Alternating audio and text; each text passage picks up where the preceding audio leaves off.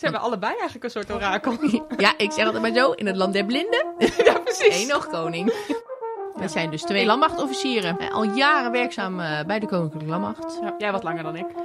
Welkom bij weer een nieuwe podcast. Ik ben Deborah. En ik ben Annemarij.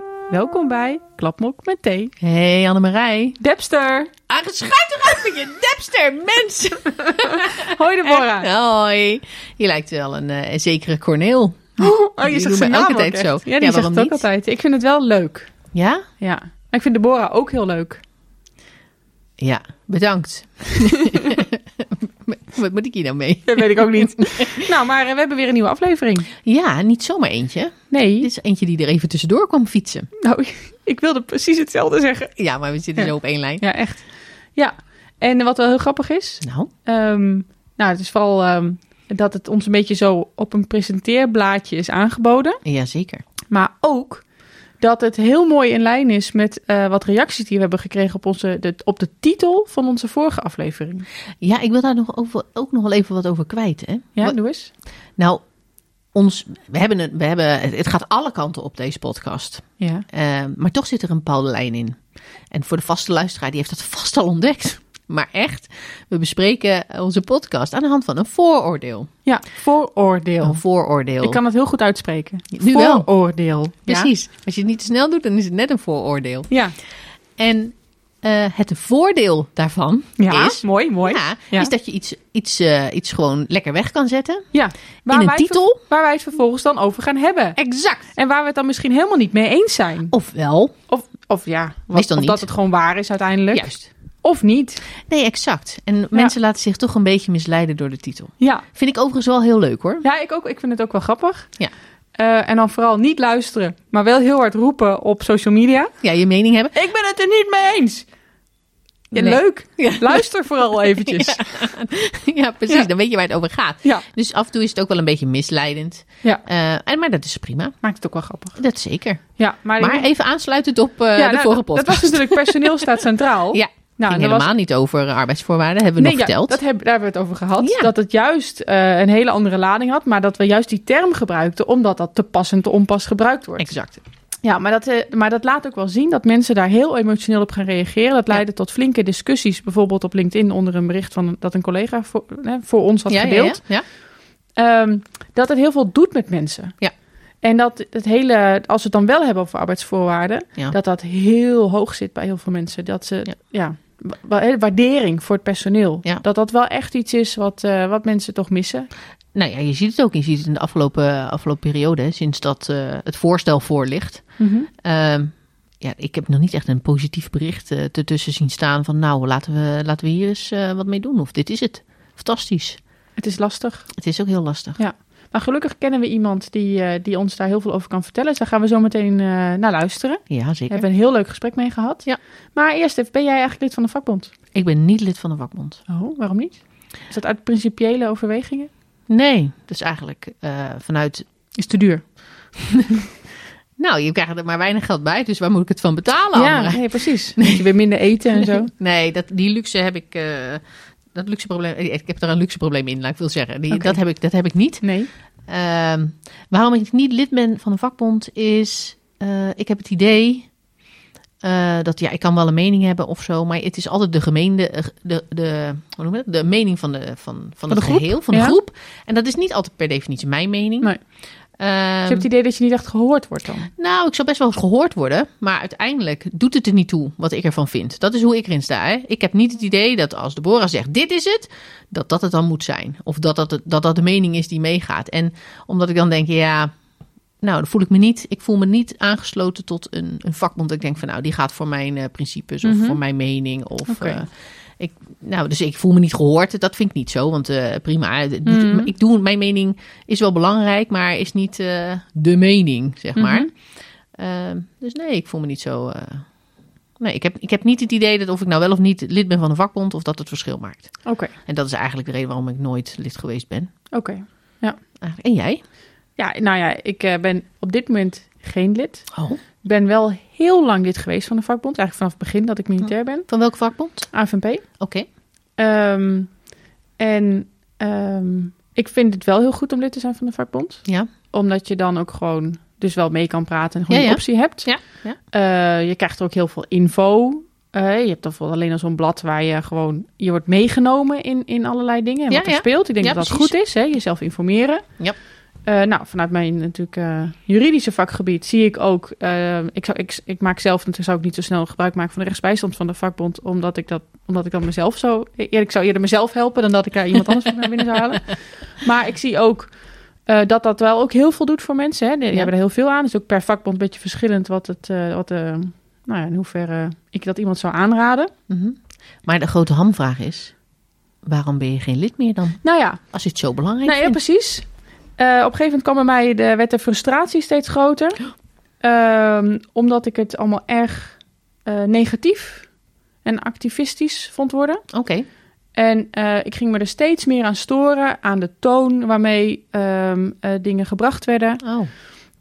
Toen zat er ook een voorzitter, ook geen militair, volgens mij totaal geen militaire achtergrond. Nou, ik kon me daar ook in, in, in ieder voorwoord, eh, iedere keer dat dat blad binnenkwam en dan las ik weer dat voorwoord, of eh, die voorzitter die kwam dan in, de- in de krant of zo. En ik stoorde me daar zo verschrikkelijk aan. Het Ja. was namelijk totaal niet hoe ik er tegenaan kijk. Nou ja, precies.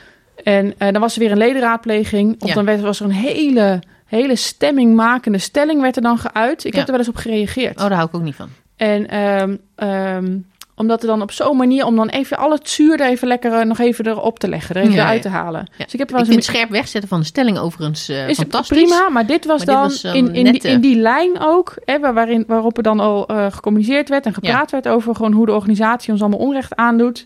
Ik kon me daar zo niet in vinden. En ik snap helemaal hoor, en dat hele personeelswet centraal en dat we arbeidsvoorwaarden dat allemaal veel beter kan, daar ben ik helemaal mee eens, helemaal prima. Maar eh, ik vond dit niet de goede weg. Nee, niet jouw manier. Om Nee, en, en, ook, en ik vond ook heel duidelijk niet met de manier van dat je echt de organisatie kent Mhm. en, en op, dan op die manier meepraat. En, ehm, nou, en toen was voor mij de, de, de, de druppel. ehm, Het zit nog hoog, zie ja, ik. nee, maar ik, ik ja, goed. Ja, nee, maar absoluut. Het zit ook hoog. Ja. Dat, ze, dat er toen ook nog een podium werd gegeven aan een oud collega die, die nou ook uitermate negatief of Ja. heel bijzonder naar de organisatie kijkt. Ja. Eh, inmiddels ook niet meer voor ons werk, maar die kreeg toen ook nog eens een podium. Ja. Nou, toen heb ik direct een mail gestuurd. Ik zeg bij deze mijn lidmaatschap op. Ik was er helemaal klaar mee. Ja, ja, tot hier niet verder. Ja, nou inmiddels zit het, moet ik wel zeggen, hebben ze een nieuwe voorzitter. Ja, Een, eh, een oud collega van ons. oké. Luistert ook naar deze podcast. Kijk, dat is heel Hoi goed. Ton!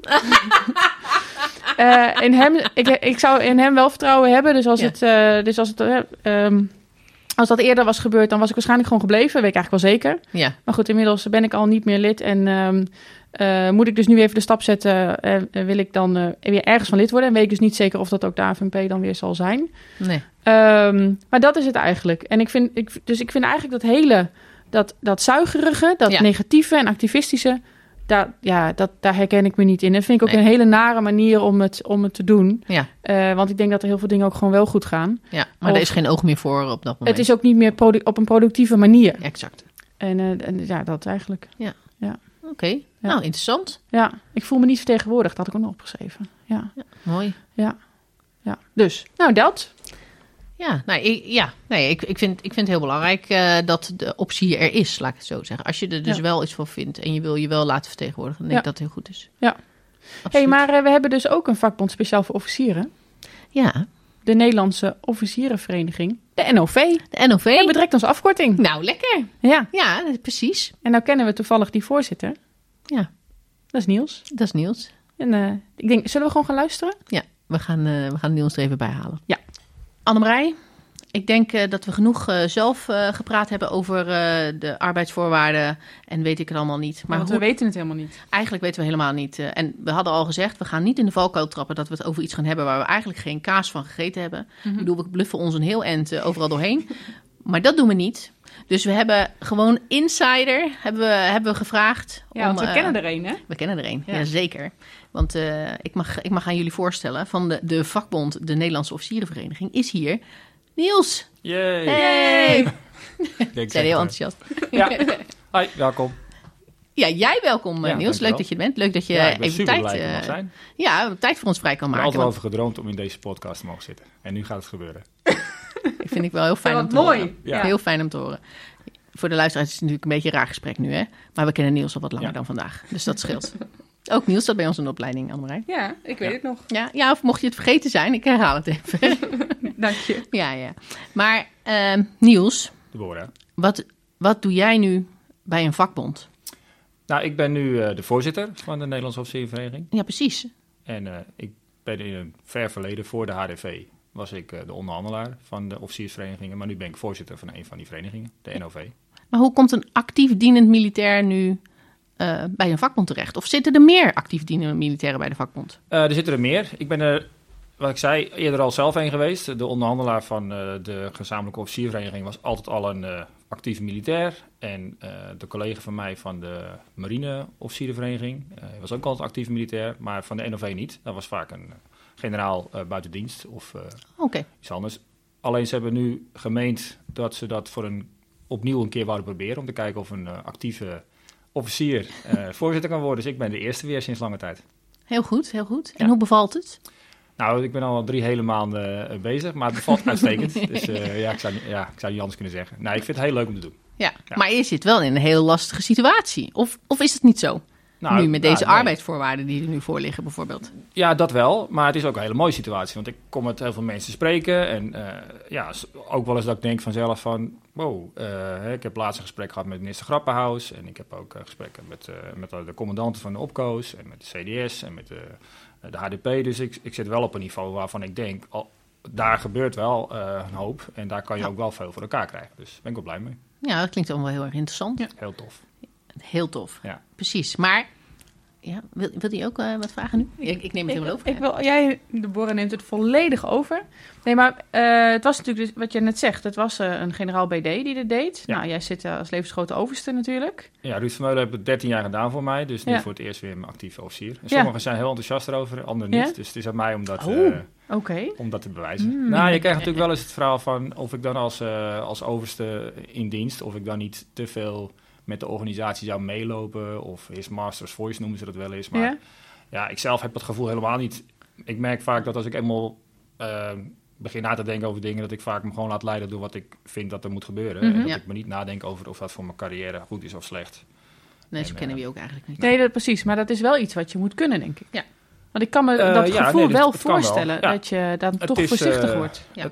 Nou ja, ik zelf heb dat niet zo. Soms, ja, ik denk als je eenmaal echt in de onderwerpen raakt, dat je, als je daar echt betrokken bij bent, dan op een gegeven moment vergeet je ook een beetje wat, eh, wat er om je heen gebeurt. Mhm. En ik eh, probeer wel altijd het altijd op netjes te houden. Eh, ik ben, functioneel kan je het wel eens niet eens zijn, maar ik denk als je het netjes houdt, dan, Ja. Ja, dan wat mij betreft kan het nooit de relatie kapot maken. En als dat voor iemand anders wel zo is, dan kan ik daar niet veel aan veranderen, want dan is Mhm. dat het probleem van de ander vooral en niet mijn probleem. Ja. Dus, eh, en ik ervaar het tot nu toe ook heel positief hoor. Dus eh, ik heb daar niet eh, het gevoel dat dat een probleem is. Wat het wel een voordeel is, vind ik juist, van een actieve officier. Is gewoon dat je iemand hebt die uit de organisatie komt. En die onderhandelt ehm, ja, voor, voor de mensen eh, waar die zelf ook toe behoort. En die ook weet wat er leeft in de, in de organisatie. En, en, ik, en ik merk ook dat, eh, nou, ik heb natuurlijk ook een, ook een goed netwerk. Ja. Ik ken Ja. de dames van eh, deze podcast. Ja, Maar ehm, ook als er een ander onderwerp is, dan weet ik toch ook wel vaak iemand denk, oh ja, daar werkt een collega van mij, of daar heb ik wel eens een keer ben ik commandant van geweest. Of, dus zo heb ik altijd wel iemand die ik kan bellen of ergens makkelijk even heen gaan om te kijken hoe het zit. Ja, ja. want je zit echt nog in de organisatie. Ja. dat zie ik wel. Ja, ik vind het gewoon fijn als je ergens, we praten over alles met, eh, met de defensie, zeg ik altijd maar. Terwijl, ik ben zelf natuurlijk ook defensie, maar eh, vanuit de vakbond is het dan, we praten met defensie. En ik, over van alles en nog wat. waar praat je dan zoal over? Want het gaat, het gaat dus niet alleen maar over arbeidsvoorwaarden. Nee, eigenlijk moet je, soms denk ik wel eens, je moet bijna expert zijn op alles. En daarom proberen we ook die expertise niet alleen maar bij onszelf vandaan te halen, maar ook bij, eh, bij collega's. Eh, want de ene keer praat je over arbeidsvoorwaarden zoals loonsverhoging en zoals eh ja, eh woon-werkverkeer. En de andere keer praat je over pensioenen. Dan hebben we het weer over het veteranenbeleid. Dan hebben we het weer over nou, eh, zaken die, die jonge officieren aangaan of jonge militairen. Ehm, Maar allemaal personeel gerelateerd. alles eigenlijk wat op personeelsgebied zit, Ja. dat, eh, daar praten we over. Dat is wel interessant. Ja, zeker. Zeker interessant. Maar ehm, hoe werkt dat nu eigenlijk, hè? Zo'n eh, zo'n arbeidsvoorwaardenonderhandeling. Is dat iets dat staat nu op de agenda en dan komen jullie bij elkaar en dan gaan jullie met z'n allen onderhandelen? En met z'n allen is dat dan eh, de andere vakbonden en eh, Defensie? Of eh, hoe, hoe, werkt dat? Wat, hoe, kun je ons een kijkje geven in hoe, dat, hoe, dat, hoe zoiets loopt? Ja, dat kan ik. Kijk, over de meeste onderwerpen praat je gewoon in vaste werkgroepen. Je hebt bijvoorbeeld een werkgroep, nou, algemene personeelszaken. je hebt een werkgroep postactieve. Dus dat zijn allemaal onderwerpen die ehm, in die werkgroep besproken worden. Gaat het over pensioenen, dan zit je in die ene werkgroep voor postactieve. Gaat het om financiële dingen, dan heb je een werkgroep algemene financiële rechtspositie. Dus dat zijn gewoon vaste werkgroepen die om de zoveel tijd met elkaar daar bij elkaar komen. En daar worden die onderwerpen in besproken. Het is gewoon een vast terugkerend Ja, en het kan zijn dat uh, vanuit, uh, vanuit een van de bonden het onderwerp besproken wil worden. Het kan ook zijn dat Defensie iets heeft wat ze willen bespreken. Uh, of misschien wel beide. nou, en soms ook wel eens van buitenaf dat je gewoon merkt, het, of we moeten hier iets mee. Ja. En dan ga je erover praten. en als het gaat om de arbeidsvoorwaarden, of tegen de CEO zeg ik altijd maar. Formeel hebben wij geen CEO bij Defensie, maar ik noem het wel altijd maar zo. als het over CEO gaat, ja, je, hebt gewoon vaak een lopende CEO. Als je het goed doet, ga je dus voordat die CEO afloopt, ga je opnieuw over een CEO praten. Ja. Uh, dat lukt niet altijd bij ons. Uh, vaak uh, verloopt dat, omdat we er niet altijd even goed uitkomen. Maar je moet eigenlijk voorstellen dat elk sector bij de overheid krijgt een pot met geld. en dat, dat wijkt vaak niet zo heel veel van elkaar af. Het is niet zo dat de politie heel veel meer geld krijgt dan Defensie of andersom. en het is gewoon aan, aan de sociale partners, zoals we dat dan noemen, dus Defensie en de bonden, om daar gewoon een goede verdeling van het geld van te maken. Nou, nu ligt er dus ook een CEO voor, met het zakje geld wat dit jaar ter beschikking gesteld is. Wie stelt dat geld beschikbaar? Is dan Defensie die zegt, nou, jullie krijgen van de totale begroting zoveel? Nou, in principe het kabinet. Het kabinet. En het is, zo dat, het, wordt, het is niet zo dat we altijd precies weten hoeveel er is. Hè. We proberen dat wel altijd uh, duidelijk te maken. En dat is niet transparant. Nee, dat vind ik ook. Uh, dat is ook wat we vaak gezegd hebben. Ik moet oh, wel zeggen, meer een vraag. Nee, dat is ook gewoon. Dat is ja. niet transparant. Nee. Ja. Nee, dat is, heb je gelijk in. Maar eh, ik denk wel dat de laatste jaren beter is geworden. Dat we wel vaak praten over het geld. En kijk, al die arbeidsvoorwaarden zijn vaak uh, overleggen die, waar een bepaalde vertrouwelijkheid op zit. Dus je kan niet alles erover vertellen. Nee. Uh, ik zou dat graag ook wat transparanter willen zien. Want ik vind het eigenlijk niet meer van deze tijd dat we dat zo. maar het is wel zo, zolang het nog een afspraak is, ja, dan kun je daar niet van afwijken. Nee, nee, anders dan is het ook niet helemaal terecht. Nee. maar ik hoop in de toekomst dat we daar meer openheid over doen. En ik denk dat we het nu eigenlijk ook doen. Oh ja? Nou ja, de CEO die nu voor ligt, mm waarvan we eigenlijk hebben gezegd van ja, we hebben eigenlijk zijn we in 2020 al begonnen. Uh, nou, initieel niet uitgekomen. Hè, dus dat betekent dat de oude CEO overlopen was eind 2020 en we nog steeds geen nieuwe CEO hadden. Nou, daar hebben we een tijdje het overleg stilgelegd en er zijn acties gevoerd. En dan zie je in de zomer dat we uiteindelijk wel weer met elkaar zijn gaan praten. Uh, weer een aantal maanden onderhandeld. En nu is het toch de conclusie dat er gewoon te weinig geld is. Ja. En dat is niet omdat Defensie te weinig geld ervoor over heeft, maar omdat Defensie gewoon te weinig geld krijgt. Ja. Uh, en dat we met het geld wat Defensie heeft gekregen, hebben we geprobeerd om er nog wat moois van te maken. Mm. Ik zeg altijd maar, de taart is te klein. Maar we hebben in ieder geval nog geprobeerd om de taart zo mooi mogelijk uh, te versieren. Uh, met wat geld en wat dingen. En in ieder geval samen te kijken welke maatregelen kunnen we dan wel doen met het geld. En dat ligt nu voor. Ja. Dus ik vind het transparant dat we hadden ook kunnen zeggen, nou het is niet voldoende, we leggen de boel stil. Maar we houden het geheim, maar we hebben nu juist gezegd van ja, ik kan wel zeggen dat het niet genoeg is. Ik kan ook wel zeggen, laten we gaan uh, acties gaan voeren. Maar ik wil het gewoon graag van het personeel zelf weten. Mhm. Wat vindt men dan? Wil men dit gewoon maar pakken dan, wat er ligt? Wil men liever uh, dat, we het, uh, dat we het niet doen? Al ja. dat soort zaken. Het is gewoon vaak fijn om te weten wat er leeft in, in de organisatie. Ja, ja. ja dat, dat we er niet helemaal gelukkig mee zijn met de arbeidsvoorwaarden zoals die ligt, dat is, uh, dat is een feit. Ja. Dat, ik heb, ik heb nog nou. niet echt een positief uh, geluid gehoord. Nou, over, het feit uh, weet ik niet, maar het is wel, klopt wel, ja. ja is het dan ik geen ben er ook niet gelukkig mee. nee, maar wat, hey, je zegt van nou, dit, dit, is het. Er is ook heel dit keer hè, transparant over gedaan vanuit de Defensie. Er is gewoon niet meer geld. Ja, ik vind het en wel we hebben er het beste van gemaakt. De voorgaande jaren. Ja, ja. maar wat, wat kijk, nu ligt de keuze bij ons. Hè, of bij de, in ieder geval bij de vakbondleden. Ja. En wat, wat, wat moeten zij nu stemmen? Zijn ze het akkoord of niet akkoord? Wat, wat als ze niet akkoord gaan? Wat betekent dat dan? Nou ja, kijk, het is wel vaak zo als er, als er wel een uitkomst is, hè, want we zijn niet echt tot een onderhandelaarsresultaat uh, gekomen waarbij nee. alle partijen zeggen: dit is het en dit gaan we voorleggen. Maar we hebben wel gezegd: oké, dat wat er ligt, dat gaan we wel bekendstellen aan mensen. Ja, wat, wat ligt er dan nu precies voor? Als, als we niet akkoord gegaan zijn, wat, wat ligt er nu voor? Het is een beetje een semantische discussie die we een paar keer gevoerd hebben... van hoe gaan we dit nou noemen? Hè? Want we zijn er eigenlijk niet uit. Uh, omdat we, we, vinden het gewoon te weinig. Ja. De Defensie geeft eigenlijk ook aan, ja, het is te weinig, maar dit is niet, meer is er niet. Nee. Eh, elke euro is omgedraaid. En, eh, dus we hebben dan met dat te weinig geld wel nog gesproken van oké, als dit het is, wat zouden we daar dan mee willen doen? Ja. Dus daar zijn we het wel op hoofdlijnen eens geworden. En dat ligt er nu ook voor. Ja. Er ligt nu een, een uitkomst voor. Ja. eh, waarvan men zegt van ja, het is te weinig, maar dit is wel wat je ermee kan doen met dat te weinige geld. Ja. We noemen dat het, het maximaal haalbare resultaat of de uitkomst. Of, eh, Kijk, de naam maakt mij niet zoveel uit. Ehm, het is gewoon zo dat we, we nu transparantie tonen in de zin... Mensen zeggen vaak van ja, maar waar praten u dan over? Nou, hier zijn we dan over aan het praten. Mhm. Over deze maatregelen. En als het met het geld wat er nu ligt, kun je dit doen. Ja. En En vinden de- we dat te weinig? Ja, dan moet je nee zeggen. Hè? Want dat wordt er ook gevraagd. Geef je Mhm. stem. Eh, normaal gesproken doen we ook eh, heel duidelijk een advies hè, aan mensen. Van ja, je moet ja voor of tegen stemmen. Eh, juist omdat we nu hebben gezegd, we zijn allebei niet blij met wat er, hoeveel geld er beschikbaar is, hebben we Ja. gezegd, dat, dat doen we niet.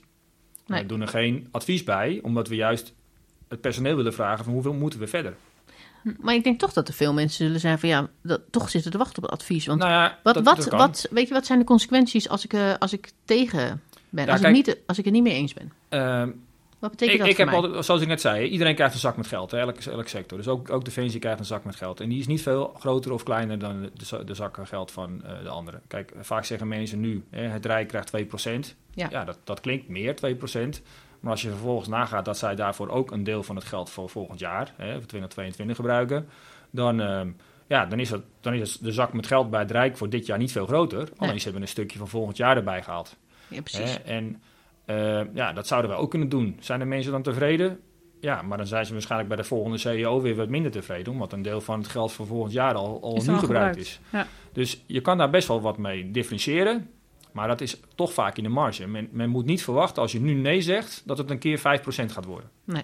Want daar geloof ik absoluut niet in. Nee, dat is hooguit dat het hoger eh, wordt omdat je geld ja. gebruikt van volgend jaar. Ja, we kunnen misschien wat geld voor volgend jaar gebruiken. Er kan misschien nog wat incidenteel geld bij. En dan kun je misschien 1,8% of 2%. En tuurlijk maakt dat uit. Hè. Ik wil niet in mensen hun portemonnee gaan kijken. Dus daarom zeggen we ook, je moet zelf kiezen. Ja. Je moet alleen wel beseffen als je nu nee zegt... dat, eh, dat er dus ook geen geld verdeeld gaat worden. Dan En krijg je dan Dan niks. gebeurt er dus niks. Dan gebeurt er niks. Ja. Eh, Dan gaan jullie weer opnieuw om de tafel. Dan zullen we of opnieuw om de tafel moeten. Maar waarom moeten we opnieuw om de tafel? Want er is niet meer geld bij. Nee, Eh, er verandert dus- niks Er eigenlijk. verandert in die zin niks. Je zou actie moeten voeren om meer geld, maar dat moet naar het kabinet eh, gebeuren. Want Defensie heeft nou eenmaal dat geld van het kabinet eh, gekregen. Ehm, en er, je moet dan, als je nee zegt, hè, goed recht, maar dan moet je accepteren dat er vervolgens ook wel onzekerheid is over of het beter wordt en hoeveel Ja. en wanneer dat dan, eh, je dat Mhm. dan krijgt. Ja. Ja, en dan even concreet. Wat is dan nu precies wat er ligt? Wat is dan nu de uitkomst? Van, Ja, eh, ik, ik, ik weet dat ik dan eh, hoog overga en dat ik dan sommige mensen zeggen, ja. er zit veel meer bij. Maar eigenlijk moet je je voorstellen dat we hebben een zak met geld gekregen dit jaar. eh, en eh, we hebben een deel van, van die zak hebben we gebruikt om het woon-werkverkeer te verbeteren. Ehm, en ik weet dat het niet verbeteren klinkt ehm, positief, want er zijn ook mensen die erop achteruit zullen gaan. Ja. Maar er is best wel veel kritiek op de forfaitaire vergoeding die we hebben. Iedereen krijgt gewoon een zak met geld voor. Nou, als je dagelijks reist, voor vijf dagen reizen. mhm. Ja. Eh, maar er zijn ook mensen die, eh, nou, nu met corona natuurlijk helemaal niet reizen, maar ook mensen die ook nog na de coronatijd gewoon een aantal dagen per week thuiswerken. Eh, en is het dan terecht dat ze ehm, voor vijf dagen reizen krijgen? Dat Ja. zegt de. Belastingdienst. Nou, dat is misschien niet terecht. Aan de andere kant is het terecht dat wij mensen maar 10 of 12 cent per kilometer geven. Dat is ook niet terecht. Nee. Mhm. Dus wij hebben gezegd, prima dat we naar de systematiek gaan, dat mensen die minder reizen minder krijgen. Maar dan vind ik wel dat de vergoeding per kilometer omhoog moet. Ja. Hè, eh, en dat hebben we dus nu gedaan. Er ligt dus een, een, eigenlijk een betere vergoeding voor woon-werkverkeer. Eh, maar dan wel op basis van het aantal reizen wat je daadwerkelijk maakt. Ja. Hè, en dat maken we nu nog ehm, initieel door, ehm, door het gewoon op basis van je standaard rooster te doen. Dus het is Ja, niet precies. zo dat als je een keer ziek bent of dat je op oefening moet of dat je eh, eh, twee dagen Je meer thuis hebt gewerkt, inleveren. dat je in één keer moet bijstellen. Ja, of zoals met Eh, voedingskosten, dat je het steeds moet, achteraf moet gaan dat, aanvragen. Dat, dat, dat, daar gaat het niet om. Het gaat er gewoon om het rooster wat jij invult. En Oké. dat, dat betekent als jij invult, ik werk één, twee dagen per week thuis. En het is een, nou, een aantal weken is het in ieder geval dat je dat gelijk moet bijstellen. Nee. En natuurlijk mag je er ook wel een beetje eh nou, voordeel schutten voor kijken van ja, gemiddeld is dit het. Eh, het moet niet zo zijn dat je vijf dagen per week eh, op het werk bent en nooit verschijnt. Dat is natuurlijk een andere orde. Nou ja, Ja. precies. Maar daar heb je ook je commandant natuurlijk in. Dus dat, daar zit een deel van het geld in. En het geld dat overblijft, eh, is vooral voor de loonsverhoging. Hè, We hebben dus Ja. 1,4% structureel loonsverhoging. Nou kan je die allemaal op 1 januari geven. Mhm. Eh, maar dan betekent dat iedereen dezelfde eh, loonsverhoging krijgt. Dat betekent ook dat een kolonel meer euro's krijgt dan een soldaat. Terwijl we juist vinden dat die soldaat misschien wel meer euro's zou moeten verdienen dan die kolonel. Mhm. Omdat daar Ja, onderaan- erbij. Ja, erbij ja. Ja. Hè? Dus kijk, eh, sommige mensen zeggen altijd procenten kun je niet van eten. Ehm, dus je, je wil gewoon zien hoeveel, hoeveel euro krijg ik erbij. En we hebben dus een deel van die 1,4% structureel. hè, 0,4% daarvan hebben we pas op 1 januari 2022 gaan we die eh, geven. Eh, doordat je hem pas een jaar later uitbetaalt eigenlijk dan dat je hem had uit kunnen betalen, besparen we gewoon veel geld in dit jaar. En dat geld gebruiken we om iedereen 1000 euro te geven. Dus dat betekent dat van die 1000 euro dat de, eh ja, de corporaal, de soldaat, daar meer aan overhoudt, aan euro's, dan eh, nou, een overste. En daarmee proberen we toch iedereen dezelfde loonsverhoging te geven. Maar voor dit jaar in ieder geval wel te zorgen dat de soldaat er in procenten zeker meer op vooruit gaat dan, eh, dan een, eh, een, eh, een overste. En in euro's ook eigenlijk. Uitleggen. Ja, maar dan bedoel je dus dat we met terugwerkende kracht 1% krij- eh, erbij krijgen. Ja. Daarbij komt dan die 1000 euro. Ja, die krijgen we in december. Maar dat is, dat is voor iedereen bruto Voor 1000 iedereen euro. bruto 1000 euro. ja. En dat betekent voor de soldaat. Nou, een soldaat krijgt houdt daar, ik weet niet de precieze bedragen, maar een, voor, bijvoorbeeld een soldaat houdt daar 580 euro aan over. Ja. En een eh, major of een overste misschien nog 475. Dus, Dus, dat, die soldaat heeft daar meer euro's voor. precies. En als je dat ten opzichte van het salaris wat een soldaat krijgt, ook nog in procenten uitdrukt, is dat Is voor dat- een soldaat veel, veel hoger percentage Ja. natuurlijk. Dat snap ik. En dan per 1 januari 2022. Komt er nog vier tiende eigenlijk structureel bij. Precies. En dan hebben we eigenlijk het geld van die zak met, voor dit jaar hebben we verdeeld. Ja. En ik weet dat de, dat de inflatie veel hoger is dan dat. Ja. Eh, en ik weet dat er ook allerlei kosten zijn die mensen hebben. Eh, dus ik, en daarom zijn we ook niet akkoord gegaan. hè. We vinden het ook te weinig. Mhm. De vraag is alleen wel van als je te weinig vindt, wat gaan we vervolgens doen? Gaan we actie voeren? Gaan we op het Malieveld staan? Ja, ik vind dat niet meer van deze tijd eigenlijk. En eh, misschien sommige mensen wel, maar de vraag is ook of het werkt. Nou ja, als zo meteen alle sectoren op het Malieveld staan, of je merkt gewoon dat, dat dat in deze tijd gewoon veel minder werkt. Ja. En ik geloof er oprecht in dat er gewoon ja, in de volgende regeerperiode echt meer geld voor Defensie bij gaat komen. Hm. De vraag is alleen, wat gaan we daarmee doen? En is dat eh, geld voor het personeel? Dat weet ik niet. Oké. Nou, nou hebben we het een paar afleveringen geleden ook al gehad over eh, wat wij mogen als militair. Hè? We Ja. mogen niet staken en zo. Ja. En daar werd ook al, ehm, toen gaf ik al aan dat eh, eigenlijk het stopzetten van het overleg, dat is eigenlijk ons middel hè? om druk te zetten. Ja, dat is het wel. Ik, ik, ben, ik, vind, het niet, ik vind het niet helemaal terecht en ik vind Ja, het je niet bedoelt de goed. onderhandelingen, Ja. hè, die dan, eh, dat we dat ja, als we er niet uitkomen, Ja. als, en dat kan ook op andere dingen zijn, niet alleen CO, hè, maar we gebruiken het vaak wel voor de CO, dan leggen we het overleg stil. Ja. Eh, met het idee van als je het overleg stillegt, dan, dan zit je daar de Defensie mee dwars. Eh, Want je kan en geen reorganisaties meer ja, doen en zo. geen reorganisaties meer uitvoeren en eh, eh, ze kunnen ook geen afspraken meer maken om beleid, om, om wetgeving, om eh, regelgeving te veranderen. Dus dan, dan zitten we ze dwars en dan dat dwingt ze dat om misschien op een ander punt eh, ons tegemoet te komen. Mhm. En het klinkt een beetje als chantage bijna. Ehm, en aan de ene kant is het, je moet ook een drukmiddel hebben. Hè? Je wil graag dat, eh, dat de werkgever naar je luistert. En als we ervan overtuigd zijn dat de dingen die we vragen, dat die terecht zijn, dan wil je ook druk uitoefenen op de werkgever. Zoals alle andere beroepsgroepen ook doen. Ja, maar die zo. gaan inderdaad gewoon, die leggen hun werk neer. Die leggen hun werk neer, ja, die mogen en, dat. en, daar voelt dan de, Ja. vaak de maatschappij de pijn van. Ja, dat klopt. Ja. Eh, al zouden wij ons werk neer kunnen leggen, dan is nog maar de vraag wat de maatschappij daarvan eh, gaat voelen. Dan, eh, dan, dan zijn de kazernes heel stil, maar ja, dat, het is toch vaak al voor veel mensen, nou, er staat een kazerne en er gebeurt wat binnen. En, en ik denk ook wel dat je, ehm, als je echt acties zou uit kunnen voeren, dat er, natuurlijk zal er een, een signaal van zijn. Maar ik geloof ook dat er eh, veel meer te halen valt soms door juist bijvoorbeeld de politiek te beïnvloeden. Mhm. En dat is niet altijd door massaal de straat op te gaan of actie te voeren. Maar dat kan ook zijn door gewoon met de politici te praten. eh, door ze ook eh, echt de problemen duidelijk te maken. Door een artikel in, een, in de media te krijgen over... eh, nou, ik, ben, ik heb bijvoorbeeld nu een aantal artikelen die hopelijk volgende week en de week daarna naar buiten komen. Waarin we gewoon de pijn van Defensie proberen te laten zien.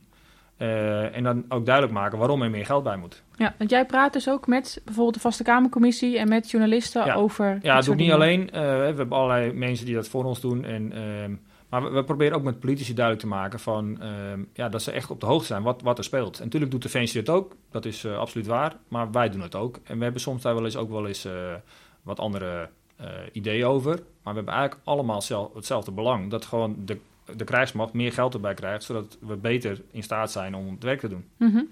Maar e- even sidestep, hè? Ja. Mag jij vrij dan met iedereen spreken? Ik wel. Ja, als ik zo meteen weer einde vakbondvoorzitter ben, dan, eh, dan niet meer. Maar ik heb een soort, eh, ja, het is een soort regeling waarbij ik eigenlijk vrij kan spreken. Maar dat betekent wel dat als ik bijvoorbeeld een militair eh, die niet eh, eh, vakbondsvoorzitter is, Mhm. meeneem met iets, dat die persoon wel eh, toestemming moet krijgen. Ja, precies. En dat had ik dus laatst bij een artikel waar ik eh, ja, een aantal militairen bereid had gevonden om te vertellen wat er gebeurt. Hè. Iemand die bijvoorbeeld bij, op een schip zit wat aan de kant ligt. En ehm, ja, daar werd eh, dan vervolgens eh, gezegd, ja, maar die moet toestemming hebben van de minister. Ja. Ik vind dat zelf een beetje overtrokken, hè, dat, eh, dat, dat, dat de minister voor elke militair die wat zegt eh, toestemming moet hebben. Maar dat is nu wel zoals het is, dus ik, ik moet daar ook gewoon eh, me eh, aan conformeren. En ik doe dat ook, dus ik, voor die mensen vraag ik dan toestemming. Ja, en jij mag dus vrij spreken. Ik mag vrij spreken. En Doe ik jij toch al hoor, maar Zo kennen we je ook. Maar nu mag het ook. nu Ja. mag het ook, ja. Ja, ja, maar jij zoekt dus ook actief die steun eigenlijk, of, of ja, eh, jij brengt het verhaal bij de mensen die Ja. iets voor ons kunnen doen. Ja, soms, soms biedt het mij de mogelijkheid om datgene wat misschien niet gezegd mag worden, om dat dan toch eh, te zeggen. Ik vind alleen wel dat. eh, de vraag is altijd een beetje van wat is het belang om, ehm, om dingen te vertellen die de die Defensie naar buiten wil hebben. Ik, ik moet ook wel wa- daar voorzichtig mee omgaan. Het is Mhm. wel een verantwoordelijkheid die je hebt. Zeker. Want het kan ook door de media verkeerd opgepakt worden. eh, en het kan ook Defensie tegenzitten. En ja, het verbaast me eigenlijk. We hebben daar, ik heb daar recent een hele leuke discussie over gehad. eh, met een aantal mensen van Defensie, eh, een aantal woordvoerders. Van ja, waarom moet er altijd eh, een soort gevoel van eh, dat de vakbond en de werkgever tegen zijn? Of hè, dat die altijd Mhm. een beetje een soort clash zijn. Ja, waarom kan het niet gewoon in samenwerking met elkaar? Bij de politie noemen ze de vakbonden hun strategische partner. Eh, en ik heb het idee bij de Defensie, zeker de laatste jaren, dat er een soort clash eh, manier van overleg voeren is. Ik geloof daar niet in. Ik geloof dat je het beste manier dat je met elkaar tot, tot overeenstemming kan komen, dat het in samenwerking is en dat het met begrip voor elkaar standpunten en elkaars eh, belangen is. Mhm. En als je dat niet doet, dan gaat die relatie wordt steeds slechter. En omdat wij elke keer uiteindelijk toch met elkaar aan tafel moeten. Het is niet dat we een auto ver- verkopen en dat je probeert het maximaal eruit te halen. Dus Ja. hè, het is ook niet zo dat volgens mij dat de, de winst voor de bonden dat dat het verlies van defensie is. Want we hebben allemaal eigenlijk in principe hetzelfde belang. Dat eh, gewoon tevreden mensen en een goed werkende krijgsmacht. Ja. ja, en dan is het raar dat je toch eh, soms rollenbollend over straat gaat. Mhm. ik- dat je rechtszaken tegen de werkgever eh, voert. Ja, ja. Eh, dus ik denk dat het anders kan. En dat is, wil niet zeggen dat dan in één keer alles beter gaat. Maar de manier waarop we het nu gedaan hebben, eh, heeft ook niet aangetoond dat het altijd succesvol is. Nee. En wat hebben de rechtszaken die we gevoerd hebben eh, uiteindelijk allemaal opgeleverd? Wat hebben het stilleggen van het overleg van afgelopen jaren opgeleverd? Die twee tiende procent die we extra hebben gekregen op het loonbod, is dat het waard geweest? Want we hebben wel een jaar lang daardoor niet gepraat over heel veel andere belangrijke Ja, ja, onderwerpen. precies. Ja, want dat is ook een consequentie. Hè? Dat als, Ja. je, als, je dus, als je dus nu bijvoorbeeld tegen zou zijn, dan moeten opnieuw de onderhandelingen Ja. in. Maar dat betekent dus dat eigenlijk alle andere. Nou, als het aan mij ligt niet. Ik zou graag zien dat we, ook als het een nee is... Hè, want ik, ik respecteer dat mensen een nee geven. Hè, en Mhm. uiteindelijk, wij vertegenwoordigen eh, het personeel. Dus eh, als, als, als men nee wil, dan, dan gaan wij gewoon ook eh, een nee verkondigen. Ja. Ehm, de vraag is alleen, en dat heb ik nu voor deze keer... wil ik het ook heel graag weten van de leden. Dus we gaan het ook peilen bij de leden. Moeten we dan vervolgens wel alles stilleggen? Want dat betekent, als we het stilleggen, betekent ook dat het loongebouw nog langer gaat duren. En dat betekent ook dat het nieuwe HR-model nog langer gaat duren. Ehm, dat betekent ook dat er een aantal regulaties zijn waarvan men echt wil dat die er komt. En dat er ook kansen zijn voor, voor, voor, voor personeel om daar een nieuwe functie of een verbetering of juist het werk uitvoeren zoals je dat had gewild. En dat kan in één keer ook niet meer dan. Nee. Dus ik zou heel graag zien dat we deze CEO, als het niet doorgaat, dan, dan zul je toch druk moeten uitoefenen richting het kabinet, dat er meer geld komt. Je zal ook creatief moeten zijn om te kijken hoe gaan we dat dan oplossen. Maar ik zou toch graag zien dat die andere onderwerpen wel doorgaan. En dat betekent dat je minder ja, druk uitoefent. Ja, je, de, het pressiemiddel is daar Maar dan. ik geloof er heilig in dat een eh, afgelopen CEO, al meer dan een jaar, en ontevreden personeel en mensen die weglopen terwijl we al zoveel vacatures hebben, dat dat eigenlijk al voldoende druk zou moeten zijn voor de werkgever om gewoon een goede CEO af te sluiten. Ja, het is ook het uitgangspunt hè, wat je neemt. Ehm, want als ik het jou zo hoor, dan denk ik dat dat ook jouw ehm, ervaring is dat de organisatie wil ons niet pootje lichten. Nee. Hè, die, die is er ook voor ons. Eh, het is niet zo dat, ehm, eh, dat nu een bod komt omdat terwijl er heel veel geld er is en dat wat ze ook hadden kunnen geven. Nou, Begrijp het is wel zo. Kijk, ik heb in mijn tijd als onderhandelaar heb ik wel soms dingen meegemaakt dat ik denk eh, vanuit de kant van Defensie dat ik dacht, daar ligt een voorstel. Nou, dat, dat was in mijn optiek kon je dat niet eh, met, eh, met, Mhm. met ja, droge ogen verkondigen aan het personeel. En, en eh, ja, bijvoorbeeld we hebben met, met de pensioencompensatie gehad. Dat, er kwam een Ja. pensioenstelsel die gewoon echt mensen enorm raakte in Ja. hun pensioenopbouw. Eh, en dus ook een pensioenuitbetaling uiteindelijk. Ja. ja, en uiteindelijk hebben we daar best wel hard voor moeten vechten om daar een fatsoenlijke compensatieregeling voor te doen. Eh, dus het is voor mij altijd lastig in te schatten of de werkgever het niet wil of dat de werkgever het niet mag. Eh, Ja. daar zit, dat is lastig, want Ja. zeggen ze het aan de onderhandeltafel omdat ze het oprecht terecht vinden, of doen ze dat omdat financiën ze die ruimte niet geeft? Mhm. Altijd lastig in te schatten. Maar ik denk wel als je met elkaar op een respectvolle manier eh, eh, onderhandelt en dat je ook meer inzicht probeert te krijgen in elkaars belangen daarachter, eh, waarom mensen die dingen zeggen, Ja. dat je wel in staat bent om een, een beter resultaat te halen. Ja, Oké. maar mensen komen dan ook met, eh, met plezier terug naar de, naar de tafel. Ja. Hè, als je natuurlijk alleen maar eh, het pressiemiddel uitzet en je Mhm. gaat niet en je wil niet en je gaat niet. Dat zou, dat zou mijn idee zijn daarbij. Ja. Hè? Waarom zou ik dan nog, oh dan moet ik weer. Met lood in mijn schoenen ga ik weer naar die tafel en dan gaan we weer. Weet je wat eh, het rare soms is? Dan, dan, hè, dan zit je aan, aan de onderhandeltafel en dan praat je over eh, wat het personeel wil. Ja. Of je praat over dingen van wat is, wat is terecht in deze regeling? Of, wat, of, of hoeveel zou men moeten hebben? Of nou, allemaal zaken. Ja. En dan denk ik onderaan de streep, wij zeggen dan ja, mijn achterban dit. En de werkgever zegt ja, we hebben het personeel eh, dat. Maar uiteindelijk het enige wat telt is dat we proberen eh, de wensen en de belangen van het personeel te peilen van beide kanten uit. Ja. En dat we vanuit die eh, zaken doorgaan. Ja. En dat wil niet zeggen dat je iedereen altijd kan geven wat ze willen. en Nee, dat wil precies. ook zeggen dat je, je hebt verschillende het groepen. is hè. Je geven en nemen in ja, onderhandelen. je hebt, je, hebt, je hebt hogere en lagere rangen, je hebt Ja. burgers en militairen, je hebt eh, eh, mensen die in de UGM zitten, hè, die, Ja. die prepensioen, en je hebt mensen die actief zijn, je hebt veteranen en niet-veteranen. Dus het is altijd een beetje geven en nemen en naar de verschillende groepen kijken. Maar ik geloof wel dat ehm, eh, als je op een fatsoenlijke manier met elkaar praat ehm, en ook elkaar de ruimte geeft ehm, om eh, het belang van bepaalde dingen aan te geven en vervolgens samen naar oplossingen zoeken, dat dat veel beter is dan wat we nu doen. Want nu is het vaak dat we tegen de werkgever zeggen, ja, kom maar met een, met een plan. En dan komt het plan en dan, hè, dan zeggen we, ja, dit is fout en dit is fout. Dus aan de achterkant gaan we het gewoon afbranden. Ja. En ik zou veel liever zien dat we aan de voorkant samen eh, ook echt naar een goede oplossing komen. Waarbij ook de belangen van de bonden worden eh, meegenomen. Ja, ja, precies. Nou, ik vind het wel mooi om te horen zo. Dat ik, ik merk aan mezelf ook dat als, het, ehm, heel actief, als de bond heel activistisch wordt, dat staat mij dan persoonlijk Ja. heel erg tegen. Ehm, en ik vind dat die, dat uitgangspunt van dat overleg samen en, ehm, en dan ook niet direct alles stopzetten, maar ook natuurlijk afhankelijk van hoe je onderhandelingen gaan. En eh, soms moet je gewoon meer druk zetten, maar als het Ja. niet per se nodig is, dat je andere dingen wel door laat gaan. Ja, daar ben ik wel een eh, voorstander van, moet ik zeggen. Want Ik weet wel, er- hè, dat het kan ook zijn. Er zijn ook mensen eh, die we die lid zijn van ons en die willen juist wel wat meer activistisch. Ja. Hè? Dus het is ook lastig in te schatten. Ja. Ik kan niet altijd maar zeggen, we doen het niet omdat ik het vind of omdat Mhm. jij het vindt. Maar, Nee, het is moeilijk om het voor iedereen, eh, Ja. Ja, voor absoluut. iedereen goed te doen. maar ik denk wel hè, dat je, je kan goed samenwerken. Je kan eh, op een respectvolle eh, en ook geïnteresseerde manier naar de andere kant, eh, naar de andere partij, Ja. zeg maar, kan je met elkaar praten. Ja. Maar dat wil niet zeggen dat je het altijd eens hoeft te zijn.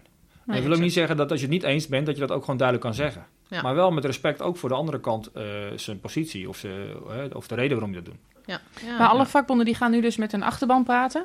Ja. Nou, als we het dan even hebben over de NOV. Want wat voor, over wat voor achterban hebben we het dan? Hoe, hoeveel leden zijn dat? En hoe gaan jullie dat dan inrichten? Nou, kijk, wij, wij doen dat. eh, eh, je hebt eigenlijk vier centrales bij Defensie. En, en mijn vakbond, de NOV, is dan lid van de centrale CMAF, sector Defensie. Nou, dat, eh, die naam is niet zo heel erg bekend altijd. Nee. Maar meestal zeggen we altijd de gezamenlijke officierenverenigingen. Daar valt dus ook eh, de, de, de KVMO, de Koninklijke Vereniging van Marineofficieren. eh, de KVNRO voor reserveofficieren valt daaronder. En ook, we hebben ook voor de middelbare en hogere burgers. Dus die verenigingen vallen Mhm. er allemaal onder. Dat zijn in totaal, ik weet het niet uit mijn hoofd, maar ik denk iets van eh 10.000 eh, leden. Hè, Mhm. Zowel actief als niet actief. Ehm, en die gaan wij peilen. En, eh, en die bepalen uiteindelijk wat onze stem wordt. Want uiteindelijk, eh, wij zijn niet de grootste, dat geef ik ook eerlijk toe. Eh, maar goed, als je je tot, beperkt tot, tot alleen officierenlid kunnen worden... Dan, dan heb je ook niet zo'n grote pool waar je uit Mhm. kan vissen. Ehm, Dus we zijn niet de grootste, maar we hebben uiteindelijk ook één stem aan de onderhandeltafel. En ik vind wel altijd dat, ondanks dat we alleen maar officieren zeg maar als lid hebben, of, of bur- vergelijkbare burgers, je hebt natuurlijk wel de verantwoordelijkheid om met die ene stem die je hebt van de vier, om ook de belangen van alle mensen af te wegen. Ook juist eh, soldaten, eh, burgers, eh, om ook daar, en, en onderofficieren, om daar gewoon eerlijk voor open te staan. Dat als daar het geld heen moet, dan moet daar het geld heen. Ook Mhm. als dat ten koste gaat van een officier. En dat is gewoon een afweging die je moet maken. Ja. Ehm, dus dat peilen we. En uiteindelijk, eh, ja, wij kijken gewoon naar het percentage. En dat percentage bepaalt wat de mensen willen. Mhm. Oké. En eh, maar vier centrales, nou, ja, de- Ja. dus de officieren en, en de eh, gelijk, gelijkgestelde burgers. Ja. En de andere? Nou ja, je hebt dan eh, nog drie andere centrales, zeg Ja. maar. Ehm, dus dat, eh, voor mij heb je de CCOOP, heet dat. Maar in, in, Allemaal afkortingen Ja. Ja, mooi. Kijk, dat- ik ga dan allemaal afkorting noemen. Meestal zeggen men ook al, je hebt de ACOM, de Ja. en eh, de VBM. Ja, Ja, precies. Dan, dan, kent iedereen dat. Maar Ja. dat, dat zijn ongeveer wel de verdeling van de drie andere centrales. En die ja. gaan natuurlijk ook hun, eh, hun personeel, of hun, hun leden gaan ze eh, raadplegen. En daar komt ook een stem uit. Ja. En eh, ja, ook dat is hun goed recht. En het is ook prima dat ze er anders in zitten. hè. Dat zij nee zijn en, en wij misschien ja, of andersom. Eh, omdat ook daar, als ze andere leden hebben, dan hebben ze ook misschien andere, Mhm. andere belangen daarbij. Ja. Ehm, maar ik, uiteindelijk vind ik wel dat of het nou een ja of nee wordt, ehm, alle keuzes die je maakt hebben consequenties. Dus als mensen zeggen nee is prima, maar dan moet men ook de consequentie accepteren dat we dus ehm, nu niks hebben, Ja, ja precies. dat we toch moeten niks. wachten. Ja. Eh, en ik vind dat we ook de, ook de verantwoordelijkheid moeten hebben om dan wel te zeggen van ja, maar dit zijn ook belangrijke dingen, moeten we wel over doorpraten. Ja. Ja. Ja. Want anders ligt het helemaal alles stil. En dan krijgen we misschien na twee jaar niet onderhandelen, krijgen we er zestiende extra bij ten opzichte van wat we Mhm. in het begin hadden. En dan moet je je afvragen of voor die paar tientjes die je in een maand extra hebt, of je daar twee jaar lang niet voor hebt kunnen Ja. eh, praten, of dat dat waard is. Ja, Ja. precies. dat Nee, die het wel zo ik wel, ja. gunstig is geweest. Ja. En mogen nu alleen leden van, eh, van die vakbonden meepraten? Eh, nou, nee. Eh, Iedereen mag meepraten. Oh. Maar eh, uiteindelijk, de stemmen tellen wel alleen van de leden. Ja. En dat is. ik heb toevallig vanmorgen was ook een heel verhaal op de radio erover. Ehm, ja, ik vergelijk het altijd ook maar een beetje met, eh, met eh, hoe we in Nederland eh, politieke partijen kiezen. Als je kijkt hoeveel mensen lid zijn van de VVD, dan is het maar een heel beperkt aantal. Mhm. Maar iedereen in Nederland mag stemmen. Ja. Ja, en, nee, kiest ja. uiteindelijk daar eh, een regering. Ehm, dus bij ons tellen alleen de leden. Mhm. Het is wel zo dat we ook eh, alles meenemen wat, eh, wat er verteld wordt. Eh, we gaan ook het land in. En er zijn natuurlijk ook heel veel niet-leden die hun stem laten horen. Ik weet dat Defensie ook hun eigen enquête doet. En even los wat je vindt van het systematiek. Hè, of wij nog eh, zeg maar het totale personeel vertegenwoordigen. Bij Defensie heb je echt wel een hoge eh, organisatiegraad. Dus ik geloof, nou, ik denk echt wel 70% van de militairen is lid van een vakbond. Dus dat is op zich nog Oh, prima. dat is best hoog. Dat is veel. Best hoog. ik verwacht. Ehm, dus het valt nog mee. Maar uiteindelijk blijkt ook altijd wel dat uit onze peiling en de peiling die Defensie doet en dat uit de verhalen in het land, dat daar vaak niet veel verschil in zit. Uh, Hm. Uiteindelijk is het een soort statistische berekening dat als je zoveel eh, mensen ongeveer hebt, dan weet je ook wel wat, wat de algemene. eh, Beetje de is. doorsnee. Ja. Dan Ja. En dan is het ook nog belang van, ja, wie zegt wat? Hè? Je hebt eh, Ja. de, misschien de, de, de postactieven die. eh, eh, zijn die dan vooral tegen? Of zijn het de jonge eh, militairen? Of Ja. zijn het de burgers die juist zeggen van ja, die zit hier voor niks in. Dus dat is ook nog even belangrijk om te weten dat als een nee wordt en we gaan verder, wat moeten we dan doen? Ja. Wat, wat zit er dan Waar zit verkeerd het aan dan dit? in? Ja. Ja. Ja. Ja. Maar is even, als ik eh, dus eh, ook wil kunnen zeggen van ik ben het er wel of niet mee eens, dan moet ik Ja. dus eigenlijk lid Moet je worden. lid van het vakbond worden. Ja. Ja. Kan altijd. Ik zie de twijfel, Annemarij. Ja. Betekent dit dat je lid gaat worden? Ja, misschien wel. Nou, weet je wat ik wel Wat vind, het Annemarij? Dat, eh, kijk, voor mij gaat het niet alleen maar of je, of je stemt. Hè. Ik geloof er oprecht in, eh, en, en misschien dat het, dat het als actieve militair dat ook makkelijk kan zeggen, dat, ehm, eh, dat, dat vakbonden die goed peilen wat er onder hun leden en onder het personeel leeft, en die ook echt die punten naar voren brengen in het overleg, dat als je dat op een goede manier doet, ik zeg niet dat dat gebeurt, maar als je dat op die manier zou doen, Mhm. dat het nut van een vakbond er absoluut is. Ja. En ehm, ik heb een, eh, een, ja, een vijf, zes weken geleden heb ik op de KMA voorlichting gehouden voor eh, de nieuwe kadetten. En ik heb ook tegen gezegd, eh, Defensie is geen slechte werkgever. Ik wil ook de mensen niet bang maken voor Defensie als werkgever, want ik ben al 24 jaar in dienst Mhm. met, en ik doe het nog steeds met veel plezier. Dus als die werkgever zo slecht was, dan was ik de dienst al uitgegaan. Ja. Maar dat wil niet zeggen dat de werkgever het altijd goed doet. Hè, En, dat, en dat wil niet zeggen dat er lokaal altijd dingen kunnen zijn waar de werkgever wel tekort schiet. Ehm, dus, en dan is het belangrijk dat er iemand is die, die eh, zich hard maakt voor je. En dat, dat, dat, eh, hè, wij kunnen dat doen door eh, nou, bijvoorbeeld de mensen die we in de organisatie kennen, door gewoon een gesprek aan te gaan. Ik heb laatst wat, wat, wat dingen gehad ten aanzien van vaccineren met corona en de regels erom, hoe we daarmee omgaan. Ja. En dan merk ik vaak dat, dat gewoon even een belletje naar een commandant, dat het vaak al de problemen eigenlijk al verhelpt. Mhm. En dat het lid wat bij ons komt met van ik heb een probleem, dat het al opgelost is door één of twee telefoontjes of een gesprek. En als dat niet lukt, ja, dan zijn er altijd mogelijkheden dat we ons eh, richting eh, de HDP eh, eh, daarover uiten. Of in ultimo dat we echt iets doen richting een rechter. Maar ik, ik merk dat dat vaak helemaal niet nodig is als je het op een fatsoenlijke manier doet. En dat je aan de voorkant ook de kans geeft aan Defensie om aan hun kant van het verhaal te laten doen. Dus dat, ook dat is een vakbond voor je. Heb jij nou het idee dat wij voldoende gewaardeerd worden? Staat het personeel centraal?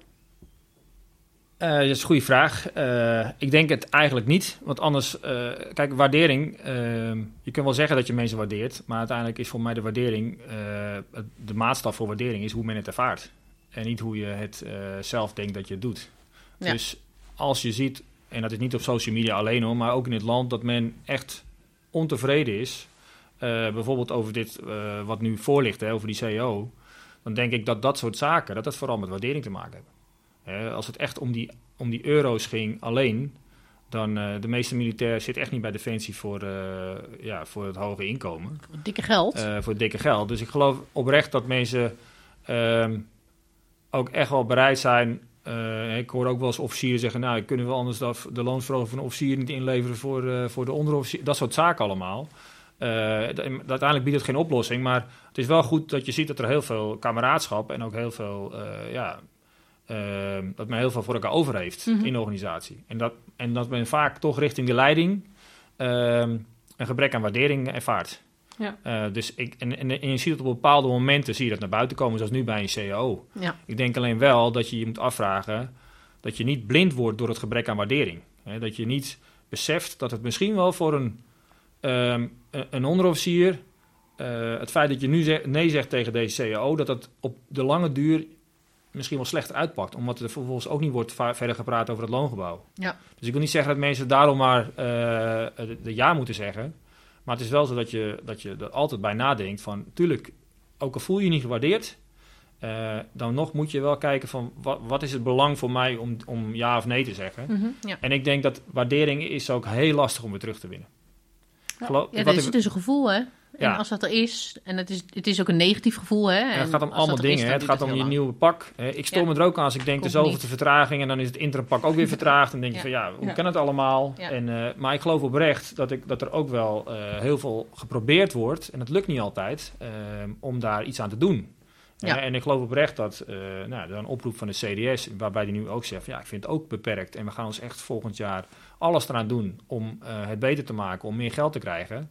Maar we zitten gewoon op, dit moment nog steeds in een fase dat er eigenlijk gewoon veel te weinig geld is bij Defensie. Mhm. En ergens heb ik een lichte hoop dat er de komende jaren significant meer geld bij komt. Je ziet wel dat nu ook de minister dat, eh, dat hard roept. Je ziet dat de CDS het roept. Wij hebben als vakbond eh, gisteren nog een brief geschreven richting het kabinet. Dus ja, voor mij is het ook een beetje afwachten van als, als in deze kabinetsperiode echt die stap gemaakt gaat worden en die 4 miljard komt er, ehm, dan zie ik het een stuk rooskleuriger in. Komt dat geld er niet, ja, dan krijgen we weer misschien wel een hele slechte dynamiek en dan dat die waardering daardoor juist eh, weer helemaal terugvalt. Hm. Dus het is echt een, ehm, zeg maar, einde van het jaar of, of eh, wanneer er een nieuwe regering komt, is voor mij echt een heel belangrijk punt om te weten van eh, hoe we de komende jaren verder gaan. Gaan we op dezelfde negatieve manier verder? Of is er echt eindelijk zicht op dat het, dat het beter kan worden en dat we samen de schouders eronder kunnen zetten om het, om het ook beter te maken? Mooi. Nou, ik denk een hele mooie afsluiting. Dat denk ik ook. Dankjewel, Niels. Ja, jullie ook bedankt. Eindelijk. Mag ik Eindelijk. in de podcast uh, klap ik met thee. Vind ik wel Oh, zo. Ja, nee, nee, nee, ik dacht eindelijk is het klaar. Nee, nee, dat, eh. Nee, dat ik niet. Het, Nee, ik denk dat het heel ik duidelijk had is. nog wel een uurtje doorgekund hoor. ja, jij wel. Dat, eh dat Misschien moet ik je je eigen podcast gaan maken. Ja, misschien doe ik het wel. Maar ik zou ik idee. even over naam denken. Dus, Nou, ja, klap me ook met thee is al vergeven. ja, dat, ik. is eh, wel jammer. Een leuke naam namelijk. Dus. Ja, dat bedoel ik. Dat bedoel ik. Misschien een hele saaie naam voor de vakbond zoiets. Hè? Dus, eh, we gaan Ja, erover of juist niet, hè? Maak de, Ja, dan- nee, dat is een ook beetje. Ja. die, die, eh, die vakbond een beetje pimpen. Ik denk wel dat het leuk Ja, is. Dus Dat denk ik ook. dankjewel voor de suggestie. Nou, succes. Ja, dank je. En eh, wie weet horen we nog van je. ook. Nou, ja, Ja, Anne, maar ik vind het wel fijn dat hij even een goede uiteenzetting heeft gedaan. En met name wat ik, wat ik het meest interessant vind, is eigenlijk eh, hè, de keuze die nu voor ligt.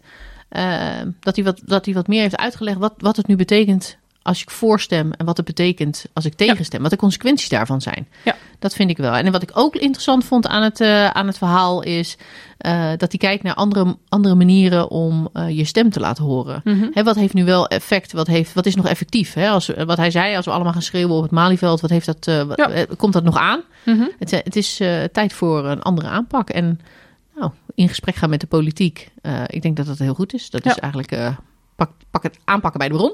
Ja, denk ik Dus ook. ik, eh, ik vind het wel fijn. Ik vind het wel fijn even die eh, verheldering eh, zo. Absoluut. Ja, heeft mij een beeld, beeld gegeven. Ja, mij ook. Mij ook. En ik vind het een hele goede insteek ook. Ik denk dat ik wel lid ga worden eigenlijk. Ik heb er nog even over nagedacht. Ja. En ehm, ja, ik ga me aanmelden. Nou, hartstikke goed. Ja, ik Wat ga het leuk. gaan doen. Ja, nou, ik denk dat Ja. het goed is. Dan kan ik ook lekker stemmen. Ja, en de carré lezen. En de carré lezen. Dat Heel, nu al zin in.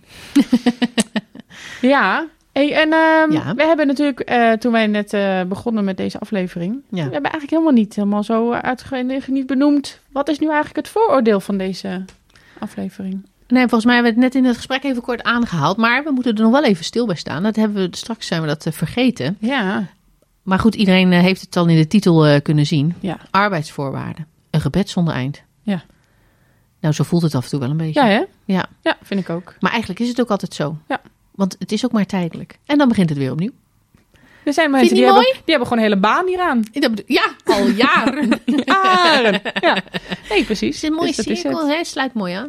Ja. Het is inderdaad een gebed zonder einde. En het is inderdaad een gebed zonder einde. Ja. Lekker.